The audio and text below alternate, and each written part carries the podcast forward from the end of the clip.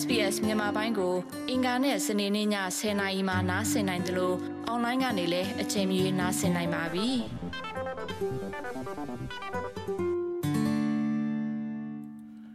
တော်ရရှိမြခင်ဗျာ။ဩစတြေးလျမှာလူကိုဦးမှတဦးခန့်ဟာအသက်အရွယ်ကြီးရင်သူသို့မဟုတ်ချီးနဲ့သောဆွေမျိုးသို့မဟုတ်နေထိုင်မကောင်းတဲ့တငယ်ချင်းကိုပြုစုစောင့်ရှောက်သူများ သို့မဟုတ်ကျမ်းမာရေးအခြေအနေသို့မဟုတ်မတန်မဆွမ်းရှိသူကို ပြုစုစောင့်ရှောက်သူများဖြစ်ကြပါသည်သို့သော ပြုစုစောင့်ရှောက်သူအများပြားသည်ယင်းကဲ့သို့မိမိတို့ကိုယ်ကို အတိမတ်မပြုဘဲသို့မဟုတ်၎င်းအတွက်အခမဲ့ပံ့ပိုးပေးသည့်ဝန်ဆောင်မှုများစွာရှိသည်ကို မသိကြပါဘူး။ဩစတြေးလျမှာ ပြုစုစောင့်ရှောက်သူ1.9တန်းနီးပါးရှိပါတယ်။ ပြုစုစောင့်ရှောက်သူများသည် အသက်အရွယ်ကြားမနှင့်ဘဝအလွှာပေါင်းစုံမှ လာကြသူများဖြစ်ပါတယ်။ဒါပေမဲ့သူတို့အားလုံးမှာတူညီတဲ့အချက်ကပံ့ပိုးမှုလိုအပ်တဲ့တစုံတစ်ယောက်ပေါ်သူတို့ရဲ့ဂတိကဝတ်တွေပြုတာဖြစ်ပါတယ်။တချို့သောသူတို့သည် ပြုစုစောင့်ရှောက်သူရုတ်တရက်ဖြစ်လာတော့လေမိမိချစ်ခင်ရသူသည် မတော်တဆမှုသို့မဟုတ်နာမကျန်းမှုတစ်ခုခံစားပြီးနောက်အခြားသူများမှ တာဝန်တွေမှမွေးဖွားလာခြင်းဖြစ်ပါတယ်။တချို့ကိစ္စများတွင်ပြည်စုစောင့်ရှောက်သူဖြစ်လာခြင်းသည်တဖြည်းဖြည်းချင်းလုပ်ငန်းစဉ်တစ်ခုကဲ့သို့ဖြစ်ပါတယ်။ပြည်စုစောင့်ရှောက်သူများသည်၎င်းတို့ရဲ့နေ့စဉ်ဘဝနေထိုင်မှုတွင်အကူအညီလိုအပ်နေသူများမတန်ဆွမ်းဖြစ်နေသူများစိတ်ကျန်းမာရေးအခြေအနေနာတာရှည်ယောဂပြင်းထန်စွာဖျားနာမှုအရက်သေးစားသို့မဟုတ်မူရစေဝါပြဿနာသို့မဟုတ်မိသူကိုမဆို အခကျင်းငွေမယူဘဲစောင့်ရှောက်မှုနဲ့ပံ့ပိုးကူညီမှုများပံ့ပိုးပေးသူများဖြစ်ပါတယ်။အသက်အရွယ်ကြောင့်အားနည်းသူများဟုအတိုင်ပင်ခံနဲ့လူမှုဝန်ထမ်းပက်တီကီယိုစ်ကရှင်းပြပါတယ်။ပြုစုစောင့်ရှောက်ပေးသောခီးစင်မှာအများအားဖြင့်ရေရှည်အလုံးစုံသောဂရိကဝတ်တစ်ခုဖြစ်ပါတယ်။ပြုစုစောင့်ရှောက်သူတူဦးရဲ့တာဝန်များသည်ရုပ်ပိုင်းဆိုင်ရာ ကိုရေးကိုယ်တာစောင့်ရှောက်မှုစိတ်ပိုင်းဆိုင်ရာနဲ့လူမှုရေးဆိုင်ရာပံ့ပိုးကူညီမှုများအထိပါဝင်ပါတယ်။ပုံမှန်တာဝန်များမှာဝစ်စားဝစ်စင်ပေးခြင်းရေချိုးပေးခြင်းအိမ်သာတရားတွင်အကူအညီပေးခြင်းအစာကျွေးခြင်းတန်ရှင်ရေးနဲ့စေဝါများစီမံခန့်ခွဲခြင်းတို့ပါဝင်ပါတယ်။ပြုစုစောင့်ရှောက်သူသည်ဗန်လုပ်ငန်းများကိုတွားရောက်ခြင်းနဲ့ရေးပေါ်အခြေအနေများကိုကူညီဆောင်ရွက်ပေးနိုင်ပြီးချိန်ဆမှုများမှလည်း တက်ရောက်နိုင်ပါတယ်။ပြည်စုစောင့်ရှောက်သူတူကတာဝန်ပိုယူလေးလေးခက်ခဲပင်ပန်းလေးလေးဝင်တော့ဝင်ပိုဖြစ်လာလေးလေးဖြစ်ပါတယ်။ပြည်စုစောင့်ရှောက်ပေးတဲ့အခန်းကဏ္ဍကတော်တော်ရှုပ်ထွေးနိုင်ပါတယ်။၎င်းဟာအများအားဖြင့်အတိတ်ပဲအနဲ့တူပါတယ်။အိုးဖေယားဒါလေးပဲဖြစ်သွားခဲ့တယ်။ဒါကြောင့်တင်းရဲ့အချိန်စရာနဲ့အဆက်မပြတ်ဖန်တီးမှုဆိုင်ရာညှိနှိုင်းမှုတွေပြုလုပ်ဖို့လိုအပ်တယ်လို့ဆိုလိုပါတယ် ဟု Kara Conversation podcast ရဲ့အစီအစဉ်မှုဖြစ်သူ Miss Kikos ကပြောဆိုပါတယ်။ကျုံမတွေးနိုင်သောအခြေအနေများကိုအဆက်မပြတ်မဖြစ်ဖြစ်အောင်ချမ်ပန်လှက်ပတ်ခြင်းသည်ပြုစုစောင့်ရှောက်သူရဲ့ဘဝကိုပြောင်းပြန်လှမ်းနိုင်ပြီးမိသားစုရဲ့ဖွဲ့စည်းပုံနဲ့ dynamics ကို ပြောင်းလဲနိုင်စေပါတယ်။သင်ကပြုစုစောင့်ရှောက်သူဖြစ်ဖို့နီးစပ်တဲ့မိသားစုဝင်တစ်ယောက်ဖြစ်တဲ့အခါ သင်ရဲ့ကိုယ်ရေးကိုယ်တာပုံစံတစ်ခုလုံးပြောင်းလဲသွားပါတယ်။ဒါကြောင့်တခါတရံမှာသင်သည်သမီးဖြစ်ခြင်းဘဝမှာပြုစုစောင့်ရှောက်သူဘဝသို့မဟုတ်ဇနီးမယားအဖြစ်မှပြုစုစောင့်ရှောက်သူဘဝသို့ရောက်သွားပါလိမ့်မယ်။တခါတလေသင်အမေဖြစ်နေရကနေသင်တခြားတစ်ခုကိုလုပ်ရပါလိမ့်မယ်။ ကလေးဟာအမိခိုကင်းပြီးကြီးပြင်းလာတဲ့အခါရုတ်တရက်သင်ဟာပြုစုစောင့်ရှောက်သူဖြစ်လာဖို့တခါတရံမှာသင်အဲ့ကိုပြန်ရောက်သွားပါလိမ့်မယ်။နောက်ပြီးဒါကစနစ်အတွက်တုံ့လောက်စရာလို့ပြောရတာဟာအတော်လေးကိုရှော့ပြောခြင်းတစ်ခုဖြစ်နိုင်ပါတယ်လို့မစ္စကီကော့ကထပ်လောင်းပြောဆိုပါတယ်။ပြုစုစောင့်ရှောက်သူအများပြားသည် ရင်းကဲ့သို့မိမိကိုယ်ကို အသိမှတ်ပြုရန်ပြက်ကွက်ကြသောကြောင့် ဂယုဆိုင်မှုရဲ့ချိုရင်းချက်များကိုလှစ်လျူရှုနိုင်ကြပါတယ်။စိတ်ပိုင်ဆိုင်ရာဖြည့်ဆည်းမှုများငွေရေးကြေးရေးအခက်အခဲများလူမှုရေးအထီးကျန်မှုနဲ့အခန်းကဏ္ဍပါလာသောလက်တွေ့ကျသောဝန်တုပ်ဝန်ပိုးများကိုရင်ဆိုင်ဖြည့်ရှင်နိုင်ရန်ပံ့ပိုးသည့်ဝန်ဆောင်မှုများရှိသည်ကိုသူတို့မသိကြပါဘူး။တချို့သောစောင့်ရှောက်မှုပေးသူများသည် Service Australia, Centrelink, MyHK နှင့် NDIS တို့မှ ရဲတပ်ပတ်နှစ်ပတ်တစ်ကြိမ်စောင့်ရှောက်ပေးတဲ့ထောက်ပံ့ခြင်းနဲ့တခြားပံ့ပိုးမှုများကိုလက်ခံရရှိရန်ခံစားပိုင်ခွင့်ရရှိနိုင်ပါတယ်။ထောက်ပံ့ခြင်းပမာဏသည်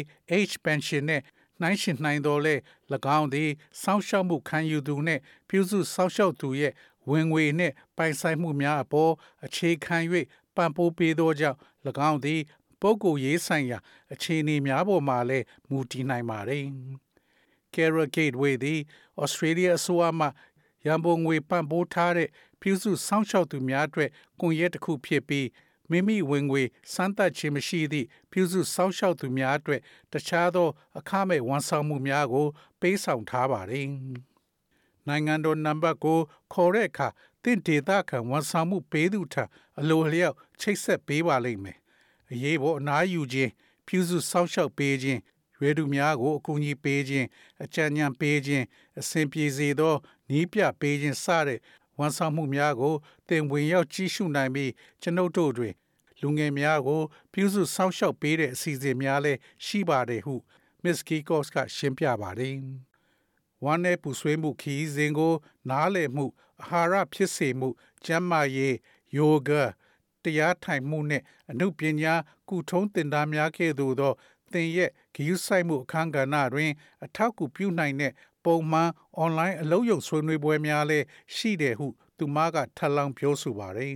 ။ Care packages များတွင်တူးချင်းအခမဲ့သင်ကြားပေးခြင်းအစီအစဉ်များစွာ ပါဝင်နိုင်ပါတယ်။အစီအဝေးများကို ဖုန်းဖြင့်ဖြစ်စေဗီဒီယိုခေါ်ဆိုမှုဖြစ်စေသို့မဟုတ်လူကိုယ်တိုင်ဖြစ်စေပြုလုပ်နိုင်ပါတယ်။အီရတ်နိုင်ငံဖွာ ဟာယာအဟီလေးသည် Care Gateway တွင် Care Coach လုပ်ခဲ့သည်မှာနှစ်နှစ်ကျော်ရှိပြီဖြစ်ပါတယ်။သူမရဲ့လုပ်ဖော်ကိုင်ဘက်များကဲ့သို့ပင်သူမရဲ့ကိုရေးကိုတာအတွေ့အကြုံများမှပြုစုစောင့်ရှောက်သူများကိုပံ့ပိုးပေးရန်လှုံ့ဆော်မှုပြုလုပ်ခံခဲ့ရပါတယ်။သူမရဲ့ကိစ္စတွင် သူမသည် ပြင်းထန်သောဒဏ်ရာရပြီးနောက်ပြုစုစောင့်ရှောက်မှုကိုခံယူခဲ့ပါတယ်။ပြုစုစောင့်ရှောက်သူတွေကသူတို့ရဲ့ ပြုစုစောင့်ရှောက်တဲ့အခန်းကဏ္ဍအကြောင်းကျမကိုပြောတဲ့အခါကျမမိမိကြုံတွေ့ခဲ့ရတာတွေကိုမှတ်မိတယ်လို့သူမကဆိုပါတယ်။ Carrot Gateway ဝန်ဆောင်မှုများသည် ပြုစုသူများနဲ့ပတ်သက်ပါတယ်။ MyHK နဲ့ NDIS ကဲ့သို့သော သူတို့ဂရုစိုက်သူများအတွက်ဝန်ဆောင်မှုများစွာရှိပါတယ်။သို့သော Carrot Gateway သည် ပြုစုစောင့်ရှောက်သူများနှင့် ပြုစုစောင့်ရှောက်သူများကိုသာအာရုံစိုက်တဲ့အရာဖြစ်ပါတယ်။ ပြုစုစောင့်ရှောက်သူများအတွက်တခါတရံတွင်နားလေရန်ဒါကအလွန်ခက်ခဲပါတယ်။အကြောင်းကတော့၎င်းတို့သည်၎င်းတို့ပြုစုစောင့်ရှောက်ပေးသည့်လူပေါ်အမြဲအာရုံစိုက်နေသောကြောင့်သစုံတဦးတယောက်လာပြီးမင်းအတွက်အရေးကြီးတာကဘာလဲလို့ပြောတဲ့အခါအစ်စ်တစ်ခုလိုဖြစ်နေပါတယ်။သင်ကဘာတွေကိုလိုချင်ပါသလဲ။ Carrot Gateway package များတွင်ရေးပေါ်သက်သာရာရခြင်းတည်ယူပို့ဆောင်ရေးသို့မဟုတ် တန်ရှည်ရေးအကူအညီများကဲ့သို့သော လက်တွေ့ကျသောပံ့ပိုးမှုများလည်းပါဝင်နိုင်ပါတယ်။ဒီ idea ကသင်ပင်ပန်းနွမ်းနယ်မှုကို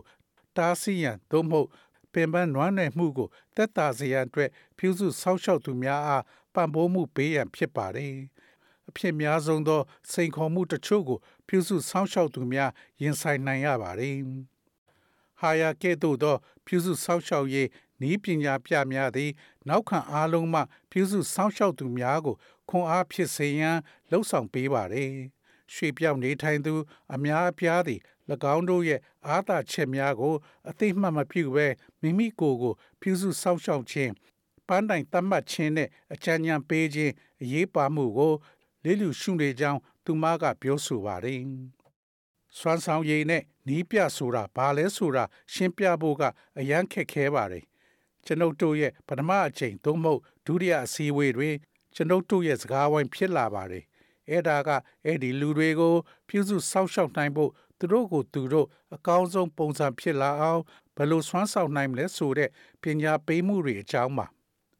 ဒုတိယစိန်ခေါ်မှုကတော့မသန်မစွမ်းမိသားစုဝင်တူကို ပြုစုစောင့်ရှောက်ခြင်းနဲ့မကြာခဏကြုံတွေ့ရတတ်တဲ့အမဲဆက်နဲ့အဆက်ကွဲခြင်းပဲဖြစ်ပါတယ်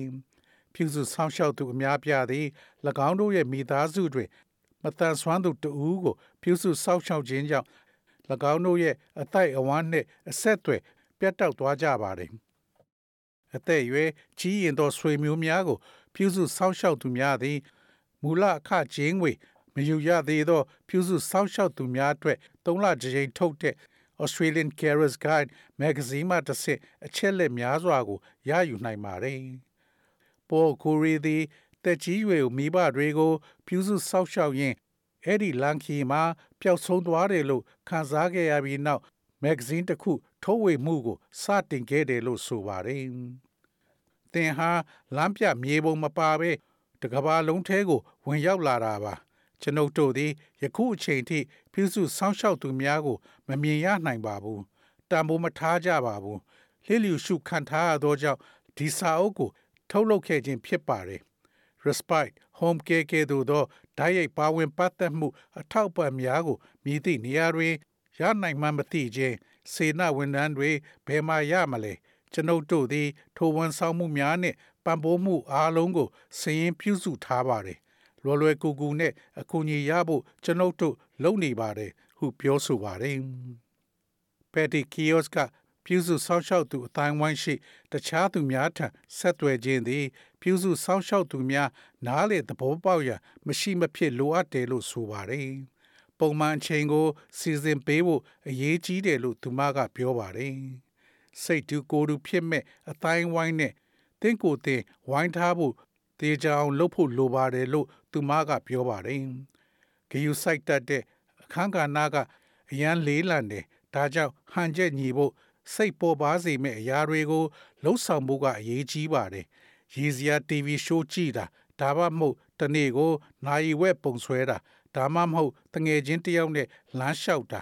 ဒါမှမဟုတ်ကိုယ့်ဘာသာကိုနေတယ်ဆိုရင်သစ်စိတ်ချမ်းမာရေးအတွက်အဲ့ဓာတွေကိုလှုပ်ဖို့အရန်အရေးကြီးပါတယ်။သင်ရဲ့နယ်နိမိတ်တွေကိုချိန်ကြီးဖို့တကယ်ကောင်းအောင်လုပ်ပါ။သင်ကိုယ်ပိုင်နဲ့ professional ဘဝရဲ့တခြားနယ်ပယ်များတွင်သင်အရင်ကားကဲ့သို့ ထုတ်ဖော်ပြသရန်သင်အတွက်အမြဲတမ်းရှိမှာမဟုတ်ပါဘူး။ဒါကြောင့်သင်ကိုတွေးဆုံနိုင်တာနည်းနိုင်တယ်ဆိုတာကို လူတွေကို အသိပေးဖို့အရေးကြီးပါတယ်လို့ Miss Kios ကညီကုန်းချုပ်အနေနဲ့ပြောဆိုသွားပါတယ်။တော်ရရှိမြခင် SBS သတင်းဌာနက Settlement Guide ကိုဘာသာပြန်တင်ဆက်ပေးထားတာဖြစ်ပါတယ်ခင်ဗျာ။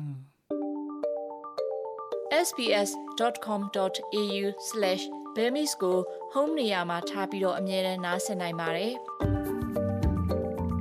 နောက်ဆုံးရသတင်းတွေ၊ဆောင်းပါးတွေနဲ့စစ်တမ်းတွေမှာပါဝင်ပြီးတော့ဆက်သွယ်မှုလုပ်နိုင်ပါတယ်။ sbs.com.au/bemis ဖြစ်ပါတယ်ရှင်။